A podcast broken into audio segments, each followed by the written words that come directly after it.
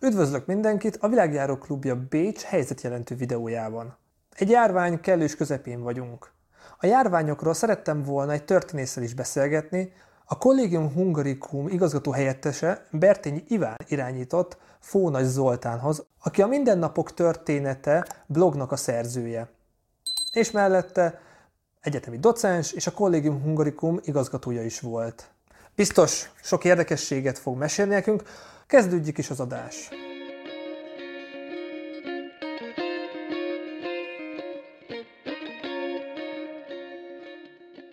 Fónagy Zoltán történészi pályáját az ELTE bölcsészettudományi karán kezdte, ahol 19. századi magyar történelmet oktatott. 1996-tól az MTA Történettudományi Intézetének tudományos munkatársa, majd főmunkatársa. Önálló kötete jelent meg Veselényi Miklósról és Széchenyi Istvánról. 2003 és 2009 között a Bécsi Collegium Hungaricumban tudományos igazgató helyettesként, majd 2004-től igazgatóként dolgozott. Munkáját a köztársasági érdemrend lovakkeresztjével ismerték el. Kutatási témái főleg a társadalom és a művelődés történet köréből kerültek ki, amelyhez szívesen közelít a történeti antropológia módszerével. 2017-től Széchenyi István levelezésének kritikai kiadásán dolgozik. A történelmi ismeretterjesztés iránti elkötelezettségét számos folyóiratcikk és ismeretterjesztő előadás mellett sok ezres olvasótáborral rendelkező internetes blog is jelzi. 2018-tól az ELTE docense. Jó napot kívánok, kedves Zoltán! Köszönöm szépen, hogy szerepelsz a műsorban. Szervusz Attila!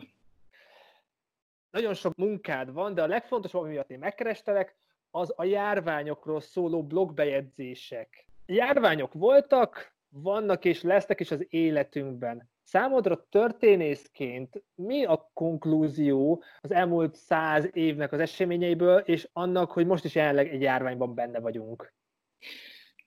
A jelenlegi járványnak a fő konklúziója nem újdonság számomra, de megerősítése egy régebb keletű meggyőződésnek, hogy az ember a modernizációs folyamat során túlzásba vitte azt a hitét, azt a meggyőződését, hogy képes totálisan a hogy képes lesz egyszer totálisan az ellenőrzése alá vonni az őt körülvevő világot.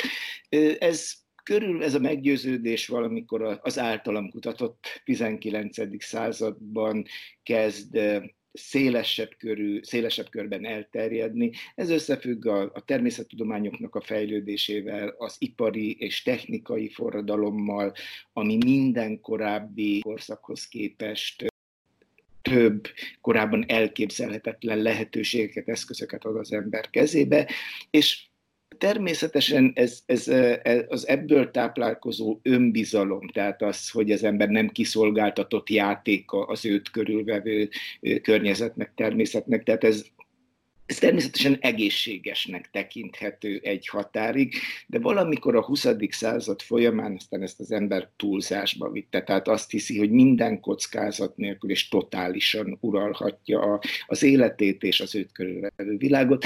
Na, hát ez a ez, ez a járvány egy ilyen figyelmeztetés, hogy ez egy csalókahit, nincs totális biztonság, az élet kockázatos, az élet kockázatos dolog.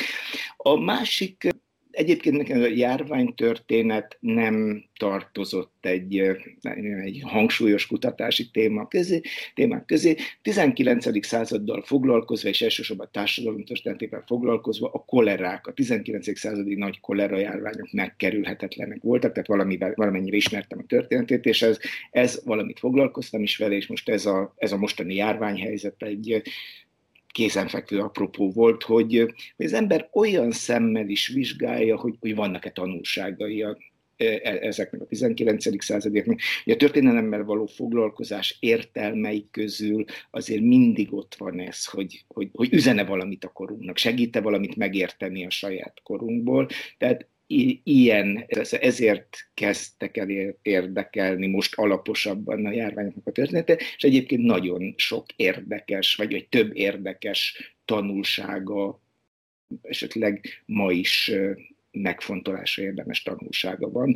Különösen a kolera járványok történetének lehetnek ma is megfontolásra érdemes tanulságai, mert hogy azok már a 19. században egy olyan világot sújtottak, ami már párhuzamba állítható a, a, maival, tehát, tehát tulajdonképpen a modern világ születésének a folyamatában jelentkeztek a kollégáid és a te írásaidban is boncoljátok, hogy milyen körülmények, milyen állapotok voltak. A régi kor embere hogyan védekezett a járvány ellen? Milyen, milyen technikáik voltak? Mielőtt a védekezésről beszélnék, egy nagyon fontos sajátosságát fontos megemlíteni korábbi koroknak, tehát a modernitás előtti kornak.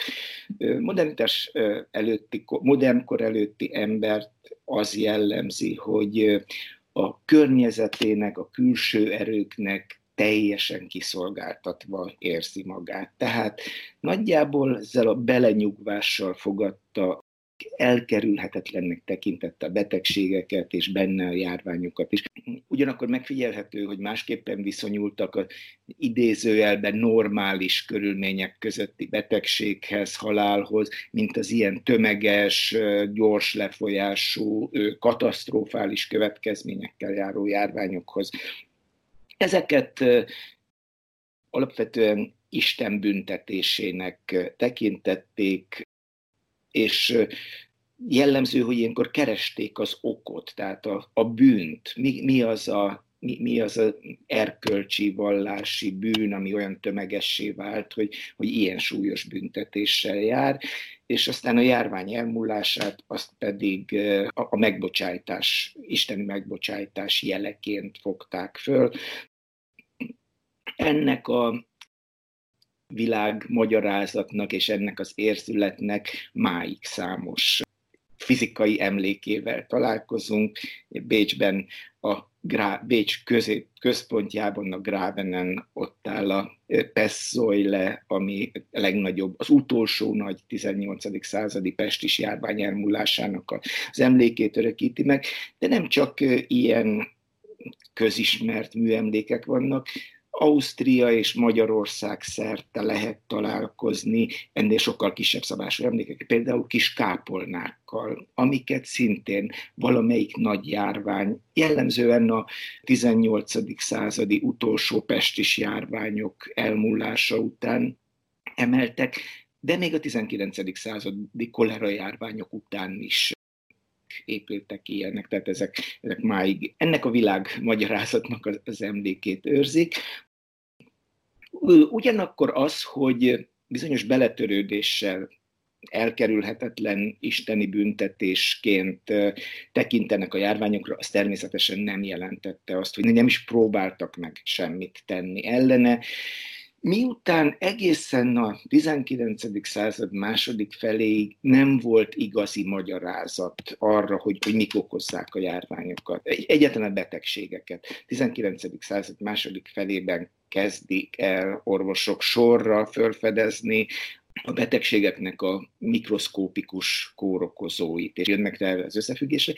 Ugyanakkor olyan gyakorlati megfigyelések hasznosítanak az emberek. Tehát, hogy nem tudják is a mechanizmust, de valahogy ezt észreveszik, hogyha például, hogy, ha, ha csökkentik, vagy kizárják a, a már megbetegedettekkel való érintkezést, tehát őket elkülönítik, akkor ezzel valamelyest lassítják, akadályozzák a betegségnek a terjedését. Tehát nagyjából ez volt az egyetlen a mai, a mából, tehát egy természettudományos világnézetből visszanézve, nagyjából ez volt az egyetlen valós, hatékony védekezési lehetőség. Ezen kívül inkább, ez lett nagyon túlnyomó részt, megint csak mai kifejezésen, mágikus eljárásokkal próbáltak védekezni, tehát például még a higiénia fokozása sem igen szerepelt, vagy ritkán szerepelt a, a védekezések között. Én középutas megoldásnak, védekezési módszernek tűnik és ezt a pest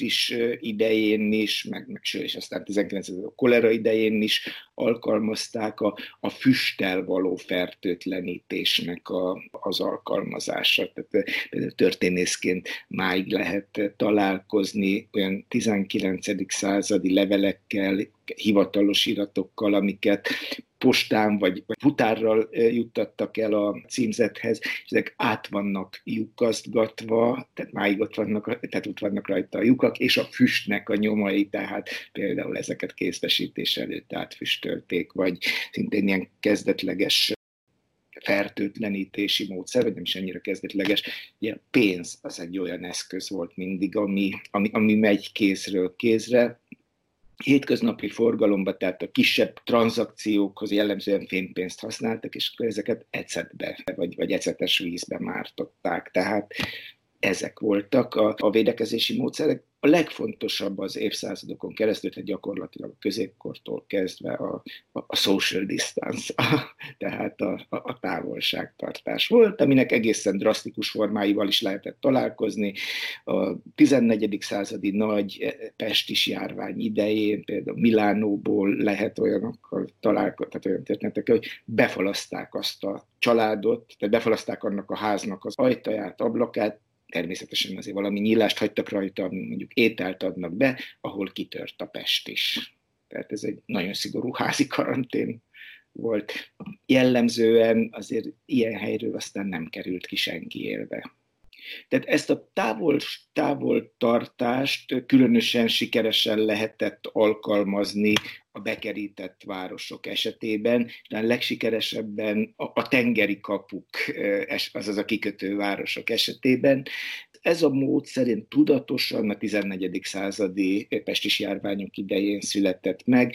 Dubrovnikot szokás a karantén feltalálójának tartani, és több kikötővárosban, így például Dubrovnikban is, máig láthatók műemlékként azok a lazarettek, részben kórházként, részben karanténként használt intézmények, járványnak a városba való bejutását akadályozták. Természetesen ez a, a vidék, a falvak esetében, ahol egészen a 20. századig a lakosság túlnyomó többsége élt, tehát ott sokkal gyengébbek voltak a, a védekezési lehetőségek. A 19. századi kolera első támadás, akkor az 1830-as évek elején, akkor országhatárokon állítottak fel ilyen, ilyen kordonokat, tehát katonai határzárat, hogy, hogy ne jusson be, nem igen működött sehol, át, átlépett ezeken, akkor például Magyarországon 1831-ben ugye természetes vizek, tehát, tehát a nagy folyók mellett próbálták egy-egy országrészre be lokalizálni a járványt, ez, ez sem működött. Tehát ezeknek természetesen nincsen ma semmiféle fizikai nyoma, ezek ideiglenes intézkedések voltak, nem, nem voltak épületek. Városokban máig, tehát néhány városban, főleg a mediterráneumban máig megvannak ezek műemlékként ezeknek a nagy járványoknak az építészeti nyomai. A blogon az egészségügyről is van egy nagyon jó bejegyzés. Én ápoló voltam, így egy picit itt megállnék, hogyha én mondjuk egy 18.-19. században élő paraszt ember vagyok, akkor mekkora esélyem volt, vagy lenne így a járvány túlélni, segítséget kérni, információhoz hozzájutni? A régi korok embere gyakorlatilag szerencsejátékként viszonyulhatott a, a, a járványokhoz, valamit ezzel a távolságtartással, illetve a, a, a korabeli, tehát a, a, a tudományosság korabeli szintjén álló tanácsokat követve próbálhatott valamit tenni ellene. Hogy hogyan jutott ilyen információkhoz? Én leginkább a 19. századról tudok beszélni, koleráról. Tehát a magasabb mondjuk úgy, hogy tudományos tudásnak a, gyakorlatilag a 19. században még egy, egy falusi ember felé a fő közvetítője, és szinte kizárólagos közvetítője a papság volt. Tehát ők olvasták föl a szószékről az Isten tisztelet után azokat a hatósági utasításokat, rendeleteket, amit a, a felsőbbség egyrészt hatóságok, másrészt a szakértők próbáltak eljuttatni a néphez. Egy 1831-es kolera járvány idején ezek között a tanácsok között szerepelt bizonyos étkezési tanácsok, bizonyos élelmiszereknek a, a kerülése, az uborkát emlegetik, sűrűn, vagy a, az éretlen gyümölcsöknek a, a kerülését, de nagy hangsúlyt kaptak a, a, a szélsőséges érzelmektől való tartózkodásra való buzdítások is, tehát a, legyen szó haragról, szomorúságról, kétségbeesésről, tehát főleg negatív, szélsőséges negatív érzelmek, ezeket a betegségre, járvány elkapására való hajlamosító tényezőknek eh, tekintették, ugyanígy a, a mértékletességre való intés, eh, tehát a, megint csak a például a mértéktelen alkoholizálást azt, eh, azt, azt szintén veszélyforrásnak tekintették, de megfogalmaztak ezekben már például higiéniai, tehát, tehát magasabb higiéniai szintre buzdító tanácsokat, tehát 1831-ben rendkívüli helyzetre, rendkívüli veszélyre való tekintettel ajánlották például a test hetenkénti megmosását, ez a hetenkénti fürdést kivételesen itt említetted a higiéniát itt záró gondolatnak, hogy ha nézzük, a, és van is blogbejegyzés erről, hogy hogyan változott a fürdőkultúra, a fürdési kultúra, hogy látszódik, hogy valahol nem gondolok meg Semmelweisnek az írása és tevékenységére, de hogy volt egy változás, és ezzel sikert értünk el akár a járványok elleni küzdelemben? A járványok elleni küzdelem szempontjából a valóban a higiéniai viszonyok általános javulás az egy az, az, az központi jelentőségű volt de ebben talán a környezetnek a higiéniai állapotának nagyobb szerepe volt, mint a, mint a személyes higiéniának. Tehát konkrétan a, a városokban a, az egészséges vízellátás rendszerének a kiépülése, a szennyvízelvezetés, szemétszállítás rendszerének a, a, a kiépülésének döntő jelentősége volt nagyon nagy szerepe volt az oktatás általánossá válásán. Tehát, hogy valamikor mondjuk Magyarországon és a monarchiában, kb. a dualizmus fél évszázadában vált valóban általánossá az, az iskolába járás, és abban a nagyon szolíd ismeretanyagban, amit egy korabeli elemi iskolában átadtak a, átadtak a gyerekeknek. Elég nagy hangsúlyt kaptak a, az egészségvédő és, és a higiéniai ismeretek. Persze ezeket olyan szinten képzeljük el, tehát hogy mit is, mit is tanultak ez, ebből, ebből a témakörben, tehát olyanokat, amik ma gyakorlatilag egy óvodás számára is triviálisak, de szintlépés volt a korábbiakhoz képest, tehát ezt egy nagyon intenzív súlykolással lehetett a, a, azt, hogy, hogy időnként mossuk meg a kezünket, hogy, hogy időnként szellőztessük ki a, a lakószobát, még télen is, tehát hogy cseréljük nem naponta, de nem tudom én, hetente a, a, a fehér nemű. Tehát mai ember számára elképzelhetetlen, hogy milyen higiéniai viszonyok és normák meghaladásáról volt szó, tehát, tehát hogy, hogy első lépésként ezt csak hogy a 19. század második felében tették meg. Ezeknek nagyon nagy jelentősége van, és természetesen nem szabad megfeledkezni. Megint ez a túlzott biztonságérzetnek arra csábított sokakat, hogy megfeledkezzenek erről, hanem kifejezetten szembe is fordultak ezzel, és ez a védőoltásoknak a kérdése.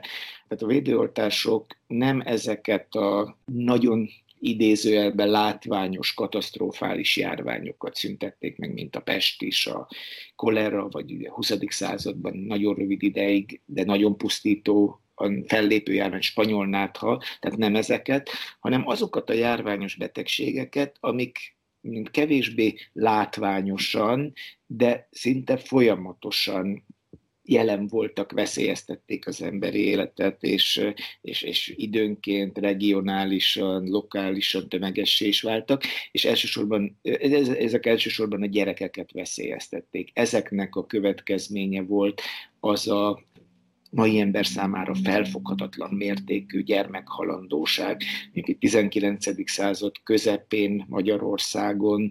Az újszülöttek körülbelül 30%-a nem érte meg az egyéves korát, és, és öt éves korra megfeleződött egy-egy, egy-egy évjárat, de még a 19. század végén is tíz éves korra megfeleződött Magyarországon. És ez magas, magas volt európai összehasonlításban is, de nem kirívó. Tehát volt ennél rosszabb is, és Nyugat-Európában sem volt nagyságrendekkel jobb a helyzet. Összehasonlításképpen ma a, a Föld ilyen szempontból legrosszabb állapotú társadalmaiban is, mint, mint a polgárháború sújtotta Afganisztán vagy, vagy Nyugat-Szahara, ott is nagyságrendekkel jobbak a, tehát a csecsemőknek és gyermekeknek a, az életben maradási esélyei, mint egy 19. század közepi Magyarországon és Európa nagy részében volt. Ennek a helyzetnek a megváltoztatásában, tehát hogy az emberi élet összehasonlíthatatlanul biztonságosabbá vált, ezeknek a gyermekbetegségeknek a himlő, a kanyaró, a diftéria, és még van, van néhány ilyen, tehát ezeknek a visszaszorításában, gyakorlatilag kiiktatásában már a védőoltásoknak volt óriási szerepe. Ugyanígy a, a tüdőgümőkóra, a TBC felszámolásában szintén ennek volt. Ott a, egyébként a, ezen a a dicsőségen, tehát az eredmény dicsőségén a, azért a, a higiéniai, elsősorban a lakáshigiéniai viszonyainak a, a, a javulásával kell osztozni a védőoltásnak, illetve aztán a, a, a gyógyszernek, amivel ezt gyógyítani is lehet. Itt beszéltünk most a védekezésről, és a jelenkorban köztudott, hogy Kínában egy denevérhús fogyasztás, és hogy a könnyű mobilitás, hogy ilyen könnyű utazni, emiatt terjedhetett el ilyen látványosan és gyorsan ez a járvány. Ha nézzük 100-200 évvel ezelőtt, vagy még régebben, hogy minek köszönhető, minek volt köszönhető az, hogy járványok elterjedtek, hiszen még annyira nem volt könnyű mozogni, tehát nem voltak olyan nagy mozgások, hogy mik játszottak közre, hogy egy járvány elterjedhetett a múltban nem voltak nagy mozgások, de azért mindig voltak olyan emberek, olyan elemei a társadalomnak, akik, akik azért mozogtak. Tehát ezek a tehát járványok azért mindig a mobilitás útvonalait követték. Hát természetesen ilyen mozgó tagjai a régi társadalomnak a kereskedők voltak, a, a turizmusnak egy idézőjelet turizmusnak egy speciális fajtáját jelentették a zarándokok, tehát a, a, mondjuk úgy, hogy a vallási turizmus, és a hadseregek. Nagyjából ez a, ez, ez a három elem volt, akik terjesztették a, a járványokat, tehát például a pestis járványok esetén a nagyon jól kirajzolódik középkori nagy 14. századi nagypestis járvány idején, hogy, hogy, hogy azok a területek voltak a legérintettebbek, amik a kornak a kereskedelmébe leginkább be voltak kapcsolódva. A 19. századi első nagy, tehát az Európát elérő első kolera járvány, az 1830-31-es, azt az orosz hadsereg hozta el, a 20-as évek közepén, vagy második felében volt egy orosz-perzsa háború, és ott került érintkezésbe ezzel az Indiából kiindult betegséggel az orosz hadsereg, és 1830-ban volt Lengyelországban egy nemesi felkelés, ugye Lengyelország nagy része ekkor egy jelentős része az orosz birodalom része, és az ennek a leverésére küldött orosz hadsereg hozta el ide Közép-Európa határaihoz, és aztán innen több a Habsburg birodalomba, Poroszországba, és aztán került tovább egész Európába, de szinte 19. század közepi kolera járványoknál több esetben Mekka volt az elosztó központ. India, Indiából érkezett muszlim zarándokok hozták el Mekkába, és aztán onnan a mediterráneumban, a földközi tenger medencéjébe vitték, vitték szét, tehát volt benne, voltak olyan európai járványok, amik így délről, tehát ezen az útvonalon érték el. De Habsburg birodalom egészét súlyosan érintő 1865-66-os kolera járvány szétterjedésében például a, a porosz-osztrák háborúban résztvevő, amiatt mozgósított császári királyi hadsereg járult hozzá, hogy, hogy, hogy szétterítse az egész birodalomban. Tehát a különbség, tehát végül is abban a nagyon alacsony mobilitású korszakban, azokban a társadalmakban is képesek voltak járványok szétterülni egész földrészeken, vagy több földrészeken is.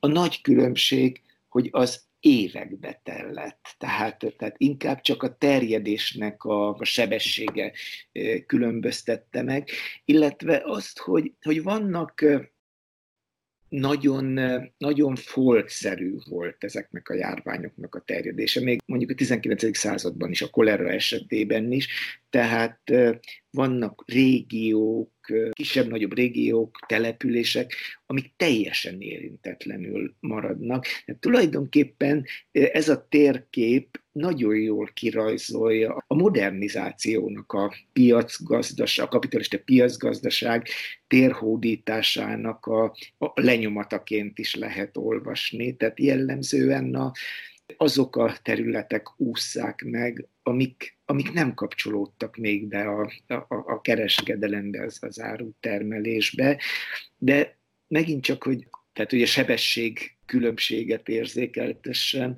ugye ez a mostani járvány gyakorlatilag néhány hónap alatt az egész világot elérte. Különböző sebességgel, ugye most Amerika, Dél-Latin-Amerika, a hangsúlyos, de lehet olvasni, hogy, hogy, hogy Észak-Afrika, illetve egyáltalán Afrika, tehát hogy ott, ott most kezdődik igazán a felévelő elvén, de akkor is egy hónapokról, maximum egy fél évről beszélünk. Még egy 1831-ben is, amikor, vagy a 30-as évek elejé első nagy kolera járványnál, amikor azért már mondjuk a, az árutermelés, a, a kereskedelem átszövi Európát, ott is a 30 végén jut el Oroszország, vagy 30-ban jut el Oroszország európai területeire, 31-ben Közép-Európában, de például Franciaországban inkább 32-ben jelentkezik igazán súlyosan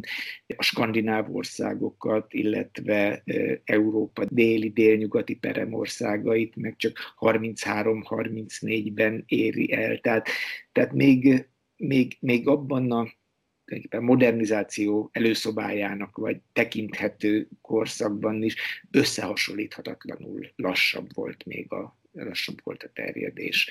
Század második felében már, már ez felgyorsult, tehát kiépült a vasúthálózat, gőzhajók szelik a, a, az óceánokat, tehát például már Amerikát sem lehet, a század második felének a járványaitól már, már Amerikát sem lehet meg, megóvni, mert ők, ők sem tudják elkerülni. A virológus mesélte a műsorban, hogy az emberi fejlődés, a civilizációnak az alakulása, ahogy mezőgazdasági területeket nyerünk, a, a talajból kerülhetnek elő új vírusok, vagy a jégsapkák alatt is mi lehet. Ha az elmúlt századokat nézzünk, tudsz-e valami olyan környezeti katasztrófát vagy problémát említeni, ami egy járványnak az elindulásával összefüggésbe hozható? Az európai történelemnek az arányaiban legnagyobb pusztítással járó járványa minden bizonyal a 14. századi nagypestis járvány volt, 1348 körül kezdődött. Ugye becslések szerint a korabeli Európának, Európa népességének az egyharmada körül halt bele ebbe a járványba. Az például egyértelműen összefüggésbe hozható, összefüggésbe hozzák a történészek azzal a hosszabb klímatörténeti változással, a, a kis jégkorszakkal, ami a, ami a 14. században egy sor kedvezőtlen következménnyel járt az, az akkor élőkre, tehát nem csak járvány, tehát nem csak ez a hatalmas járvány pusztított, hanem, hanem, hanem több éhínségperiódus is, is következett. Természetesen miután fogalmuk sem volt a járványok okáról, tehát nem, nem tudták így összefüggésbe, tehát ez nyilván egy, egy utólagos logikai konstrukció.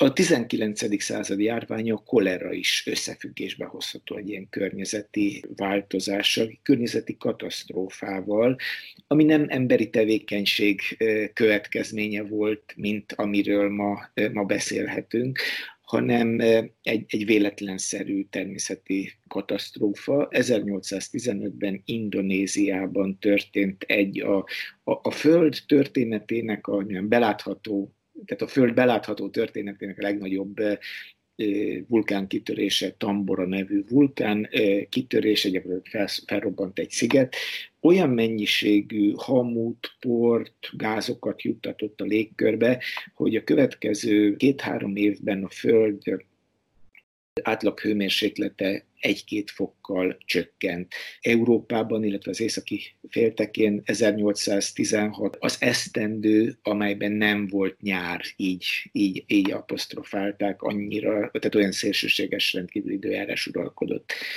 Ezzel a, az északi féltekén átmenetileg rövid időre drasztikusan megváltozott klímával hozható összefüggésbe, hogy a kolera kórokozója, a, amely a bengáli öbör környékén évszázadok, sőt lehet, hogy egy ezer év óta őshonos betegségnek számított.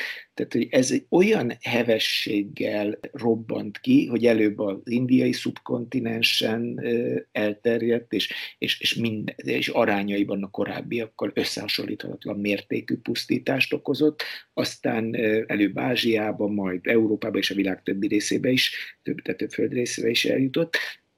Ma azt feltételezik a viszonylag új kutatási eredmények azt feltételezik, a kolera kórokozója, a vibrio kolera jellemzően partmenti vizekben, egy bizonyos rákfajtában él, partmenti sekély vizekben, folyótorkolatok környékén különösen, ami veszélyes emberre is, és a, a rákokkal be, be is kerül az emberbe, de egy elviselhető mértékű veszélyt jelentett.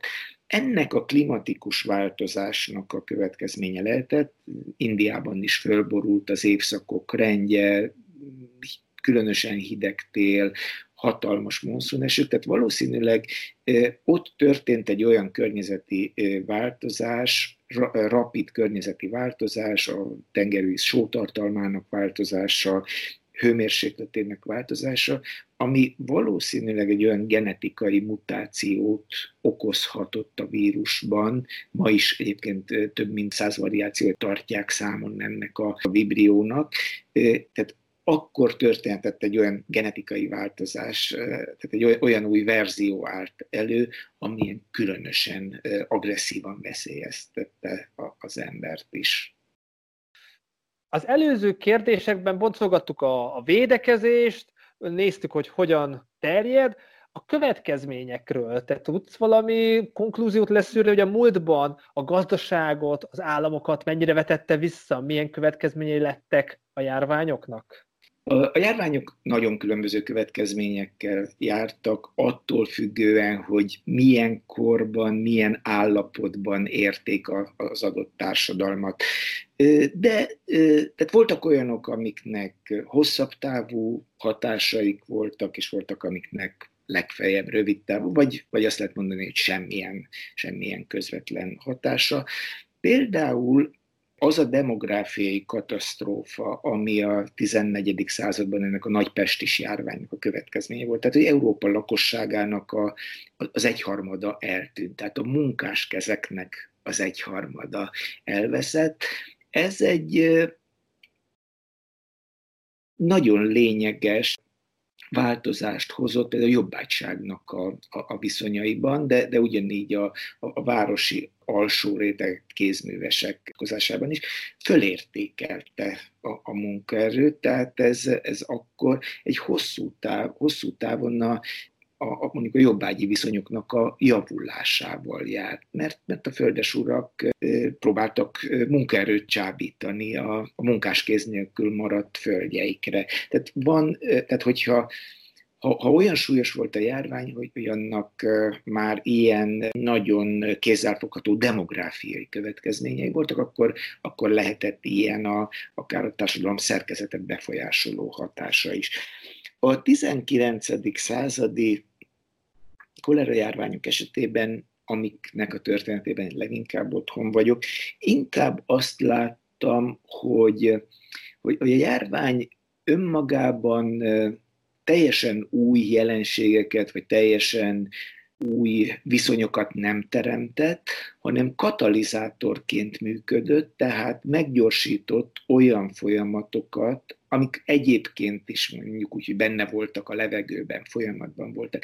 Ilyenek például a, a, a városok köztisztasági viszonyainak a, a javítása, tehát a, a század második felében, miután fölismerik, hogy a kolera fő terjesztő közege az a, az a víz, az elszennyeződött, tehát a szennyvíztől elszennyeződött ivóvíz.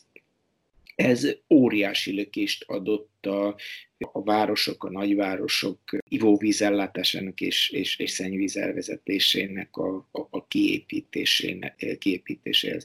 A járványok megint csak a 19. században, amikor már tudományos megoldást sokat keresnek a, ezekre a kihívásokra, az, a kolera nagyon nagy lökést adott a, a, egyrészt kutatásoknak, másrészt olyan eljárásoknak, a, a kifejlesztésére, mint például az infúzió, ami ma a ugye, gyógyászati eljárásokban egy, egy, egy alap, alapeset.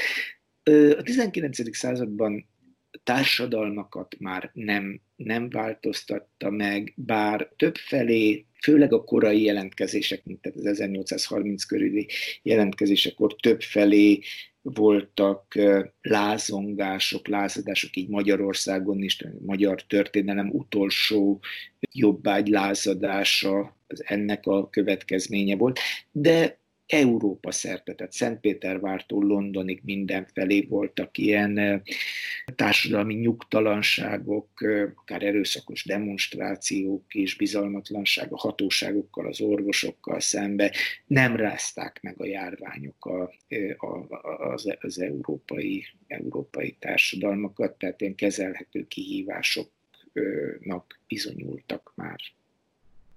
Szerintem a járványokat kiveséztük, nézzük, hogy az életünkre, a te életedre ez a járvány milyen hatással volt. Te konkrétan az eltén vagy docens, az oktatás, a vizsgáztatás jelenleg hogy folyik nálad? Március közepén jelentették be, hogy bezárják az egyetemet, és áttérünk úgynevezett távolléti oktatásra. Vol, előre hozták a tavaszi szünetet, volt egy hét szünet, és ez alatt, a, ez alatt a egyetemnek az informatikusai tökéletesen átállították a rendszert erre a, erre a távolrejti oktatásra. Én úgy tartottam meg a szemináriumaimat, hogy a, az eredeti időpontban videokonferencia formájában tartottuk az órákat. Annyiban most több feladatot rót rám, hogy nem adhattam ki úgy az olvasmányokat, hogy csak megmondom a könyv címét, fejezetet, tanulmányt hol találják, hiszen könyvtárak is bezártak, tehát nem mehettek el oda a diákok, tehát csak olyanokat, tehát, tehát olyan olvasnivalókat és, és, és olyan munkákat adtam ki, amihez rögtön mellékeltem is digitalizált formában a, a, az olvasmányokat. Ez, ez, ez természetesen sokkal több munkával járt, tehát nagyon hasznosnak bizonyult ez a kényszerhelyzet számomra is. Én azért nem idegenkedtem eddig sem a digitális világtól, de ez most rákényszerített, hogy még intenzívebben fölfedezzem ezt, és bizony sok kellemes meglepetés ért, hogy, hogy egy ilyen viszonylag konzervatív tudományág, mint a, mint a történettudomány is, milyen mélyen be, beleépült, mert milyen mélyen hatott már rá a digitalizáció világa, tehát egyáltalán nem volt olyan gondom, hogy, hogy ne tudtam volna releváns olvasni valóval ellátni a diákokat. Egyébként ez is meglepetés volt, kellemes meglepetés, hogy remekül működött. Így is az oktatás. Különösen az, az első talán a, ennek aztán még két hónapról, két hónapig tartott, még különösen az első felében, amíg a, a diákok számára is volt valami újdonság élmény. Tehát az volt a tapasztalatom, hogy, hogy sokkal lelkiismeretesebben teljesítik a, a, a feladatokat, mint, mint, mint a normál üzemmódban. Így zajlanak a vizsgák is egyébként. Ugyanakkor nem vontam le azt a következtetést, hogy hogy, hogy fölösleges lenne a, a, a személyes jelenlét. Tulajdonképpen egy-két hónap után, és ezt a vizsgaidőszakban is érzem a, egyfajta kimerülésnek a jeleit, vagy, vagy elfásulásnak a, a, a jeleit a, a diákokon is. Tehát azt a tehát, tehát valószínűleg ez a, nyilvánvalóan ez a személyes impulzusoknak a, a hiányából következik, és most nem csak a, nem, nem gondolok nagyképűen a, az általam adott személyes impulzusokra kizárólag, hanem egyetlen az emberi találkozásokat, a diáktársakkal való együttlést találkozás. Tehát Na, szóval végül is nekem az volt a tapasztalatom, hogy, hogy tulajdonképpen remekül működött egy ilyen tudományág esetében nyilván, ahol gyakorlatokról, az lehet egy műszaki egyetemen nem biztos, hogy nem ilyen könnyen pótolható a, a, a személyes jelenlét, de egyúttal az is volt a tapasztalatom, hogy, hogy mégsem jelentenem megoldást. Tehát ez, ez hosszabb, hosszabb távon olyan pszichés teherrel jár, tehát, a, tehát az emberi érintkezéseknek a hiánya, hogy abból, hogy a kényszerhelyzetben tudott így működni az oktatás, nem vonnám le azt a következtetést, hogy a jövőben meg lehet szüntetni az egyetem kampuszait. Ebben az időpontban, amikor az interjú készül, pár nappal vagyunk Trianon után. Te, mint történész, tanár, hogyan emlékeztél meg, és a diákjaiddal érintettétek ezt a témát most? A tanításnak május közepén már vége volt, tehát már nincsenek óráim, amin ez szóba kerülhetett volna, viszont vizsgáztattam azóta, és ott adta, tehát indítottam úgy ö, vizsgaszituációkat, hogy Trianon 19. századi gyökereiről faggattam őket, tehát hogy mit tudnak erről. Nyilván itt elsősorban arról van szó, hogy nem lehet eléggé hangsúlyozni, hogy nem lehet eléggé tudatosítani, hogy a történelmi Magyarország egy sok nemzetiségű ország volt, hét nagyobb etnikumnak, népnek a, a, a hazája, és azt a tényt sem lehet eléggé hangsúlyozni, hogy a, a 19. század a nemzetépítésnek a korszak. A 19. században gyakorlatilag egy feltartóztathatatlan folyamattá válik, hogy minden nagyobb nép úgy gondolja, hogy csak is a nemzetállam lehet az egyetlen egyetlen lehetséges élettere. Tehát ezzel tisztában kell lennünk, amikor a, a történelmi Magyarország megszűnéséről beszélünk, tehát ezzel, ezzel az előzménnyel, hogy igen, létezett egy olyan tulajdonképpen objektív, a, a szereplők akaratától független folyamat, ami ebbe az irányba hatott. Az egy másik kérdés, hogy hogy, hogy ugye mégis törvényszerű volt a történeti Magyarországnak a, a, a felbomlása, hogy nem, hogy, létezhettek volna olyan megelőző megoldások, mint a föderalizálása.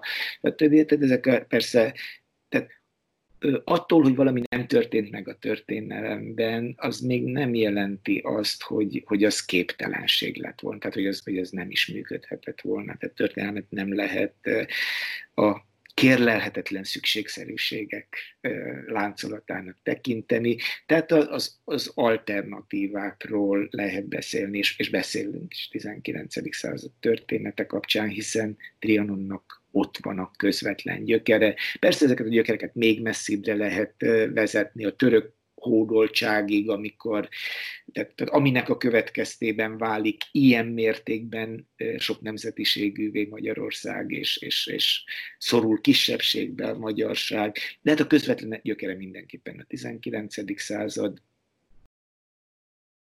és azt gondolom, hogy ezeknek a beszélgetéseknek nem az a célja, nem arra akar kifutni, hogy az rendben volt. És ennek kellett történni, és főleg nem arra, hogy így kellett történnie, tehát, hogy a magyar nemzethez tartozóknak a egyharmada a határon kívülre kerül, de én azt gondolom, hogy a természetesen történészként és tudósként a, a, a tényeknek a, a, a terjesztése, a, a feladatom, nem, nem készítéleteknek a terjesztése, de hogy tehát a, természetesen mindenkinek szuverén joga, hogy olyan következtetést vonjon le a tényekből, amilyet, amilyen az ő világnézetének megfelel. Én azt gondolom, hogy az én szakmám művelőinek az a feladata, hogy minél szélesebb körben minél nagyobb hangsúlyt adjanak a tényeknek, tehát hogy minél több ismeret birtokában hozza meg ki, a, a, a maga ítéletét. Például ezt a blogomat, aminek nem politika történeti centruma van, szintén ezzel a szándékkal. Tehát, a, tehát az ismeretek terjesztésének a szenvedélyes akarásával indítottam el. Nem vettem részt semmilyen megemlékezésen, természetesen a ugye a közösségi médiában a barátaim, kollégák, hozzám közel állók osztottak meg vagy cikkeiket, ezeket olvasgattam, valamihez hozzászóltam, vagy háttérben gratuláltam neki. Hozzám nagyon közel áll például Szarka László kollégámnak, Történettudományi Intézetben kollégám, és felvidéki magyar származású, és, és, és most újra ott él egyébként, tehát az ő a, a más nemzetekkel szemben is méltányosságot hirdető és, és, és toleranciát, a, a megér, az egymás megértését, egymás szempontjainak legalább megismerését és a, a, a, az elképzelhető módon méltánylását szorgalmazó írásait olvastam például ezen a napon. Személy szerint egyébként lehet, hogy mai Magyarországon kisebbséghez tartozom, akinek nincs családi érintettsége Trianon kapcsán. A mai élő generációnak valamelyik őse jó eséllyel származik olyan területről, ami, ami Trianon következtében határon kívülre került. Nekem, ameddig ez az írott források forrásokkal visszakövethető, tehát egészen a 16. századig. Minden ősöm ugyanabban a faluban élt, a, a Bükkalján, Nagyvisnyó nevű faluban, esetleg a valamelyik szomszédos faluból hoztak feleséget időnként a, az őseim, tehát személyes érintettség nélkül mint, mint magyar érint, a, érint, érint Trianon, tehát ezt nem fokozza, ezt a, ezt a kollektív sérelmet nem, nem teszik él, élővé, nem fokozzák olyan személyes történetek, amik a nagyszülőkről, dédnagyszülőkről maradtak volna fönn. Nyilván aki, aki vagon történetekkel, a, a, a, a tulajdontól, az egykori szülőháznak a, a, az elvesztésével, vagy a kisebbségi sorban ért sérelmekkel e, találkozik a családi történetekkel. Nyilván tehát én, én megértem, hogy, hogy az ő viszonyuk egy sokkal érzékenyebb, sokkal, sokkal kihegyezettebb. Tehát az én viszonyomat körülbelül ez a kollektív trauma határozza meg, nem színezik át személyes vagy családi történetek. Neked van Bécshez kötődésed, mert éltél itt, a Collegium Hungaricum, ma a Ballasi Bálint Magyar Intézetnek voltál a vezetője. Hogy tekintesz vissza erre az időszakra, és most elég Nehéz. helyzetbe kerültek az intézmények a programszerzés miatt is. Neked volt hasonló, vagy nem is hasonló, de kisebb-nagyobb problémáid voltak akár az ott töltött időszakod alatt, amivel meg kellett birkóznod? 2003-tól 2009 végéig, tehát 7 éven keresztül éltem Bécsbe, és életem egy, egy különlegesen érdekes, tartalmas korszaka volt ez. Nagyon hálás vagyok a sorsnak, hogy, hogy, hogy, hogy megélhettem ezt a, ezt a szerepet. Kiléphettem ebből az akadémiai egyetemi szférából egy időre. Én nagyon jól érzem magam a, az eredeti foglalkozásomban, tehát én ezt soha nem, tehát egy pillanatig nem tekintettem valami végleges váltásnak, egy, egy határozott időre szóló kalandnak tekintettem, és, és mondom még egyszer, hogy nagyon hálás voltam a sorsnak, hogy ezt a kalandot megélhettem, tehát hogy kipróbálhattam magam valami, valami egészen másban, ami egy nagyon kreatív munka volt, és nagyon kiszélesítette a horizontomat, a, még a tudományon belül is, hiszen ez a Collegium Hungaricum ugye a magyar, magyar szellemi exportnak a, az intézménye külföldön. Egyrészt a, a tudományon belül is nagyon sok olyan kollégával ismerhettem meg, aki nem az én tudományágamat műveli, tehát ez is nagy élmény volt, tehát még nagyobb horizont tágítást tett lehetővé, hogy a, a művészeteknek, a kultúrának, a, a, az elit alkotóival olyan bőségben ismerkedhettem, megkerültem személyes, többekkel közeli személyes viszonyba, amit ez a, ez a pozíció tett lehetővé számomra, és egy különleges szerencseként gondolok erre. Nem bánkódtam, amikor lehet. Én ez végig úgy viszonyultam, hogy ez egy határozott időre szóló karand, és örültem, hogy örültem annak, ami van, örültem, hogy megkaptam. Nem nagy, ami másik kérdésedre, hogy van-e valamilyen hasonló élményem, vagy, vagy szituáció, természetesen ilyen nincs, de Mondtam, 2003-tól 2009 végéig vezettem a, az intézetet, ebbe beleesett a 2008-as pénzügyi, aztán gazdasági világválság, ami a magyar állam háztartást és a magyar állami intézményeket, és hát ez ugye a kultúra az mindig mostoha gyerek, különösen már 2009-ben nagyon súlyosan érintette. Tehát nem egy ilyen külső körülmény miatt, hanem azért kellett nagyon takaréklángra csavarni a, a működésünket, mert az komoly gondot okozott, hogy hogyan fizetjük ki annak a nagy épületnek, ugye a nyolcszintes épületnek a rezsijét. Ezzel kellett sakkozgatni, tehát nem akarom ezt a mai, tehát most ehhez a drasztikus bezáráshoz hasonlítani, de mindenképpen megéltem egy krízis helyzetet, és sajnos pont, a, pont az utolsó év, tehát, tehát, a, tehát a búcsúzás egy, az, az, egy, az egy ilyen, ilyen szituációban és ilyen hangulatban telt el. Zoltán, köszönöm szépen, hogy tájékoztattál minket a múltról, a járványokról, és szerintem sokkal jobban rálátunk a múltra, és a jelenünket is azért másképp nézzük a mostani szituációt, hogy mi volt előttünk, és mi van most jelenleg, és így teljesen más képet kapunk a jelenkorunkról. És bizakodva nézhetünk a jövőre, remélem. Úgy gondolom, hogy a járványok történetével való foglalkozásnak valóban az lehet az üzenete, hogy megnyugodjunk. Ez egy rendszeresen visszatérő kihívás az ember, az emberiség számára, tehát ne gondoljunk úgy erre, mint valami soha nem volt kihívásra, tehát kerüljük a világvége hangulatot, és legyünk tudatában annak is, és ez hasson megnyugtatóan, hogy az emberiség történetében még soha nem állt ennyi eszköz, ilyen hatékony eszköz a, egy, egy ilyen kihívásnak a kezelésére, mint ami ma a tudománynak és, a, és, a, és az intézményrendszereknek köszönhetően rendelkezésünkre áll. Ez bizakodásra ad okot, hála az égnek. Köszönöm szépen, hogy szerepeltem a műsorba. A blogodon még rengeteg érdekes témát találtam.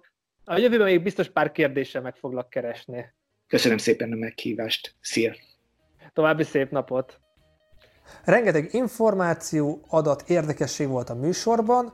Köszönjük szépen, hogy velünk tartottatok. Ez egy hosszabb beszélgetés volt, de egy ilyen témáról megérte nagyobb lélegzetvételű beszélgetést csinálni. A videó alatt, a videó leírásában megtaláljátok a blognak a linkjét, érdemes beleolvasatok, valóban sok-sok izgalmas bejegyzés van benne. Ha még nem tettétek meg, iratkozzatok fel a csatornára, ha bármilyen véleményetek van, a komment szekcióban meg tudjátok írni, és holnap találkozunk ismét. Sziasztok!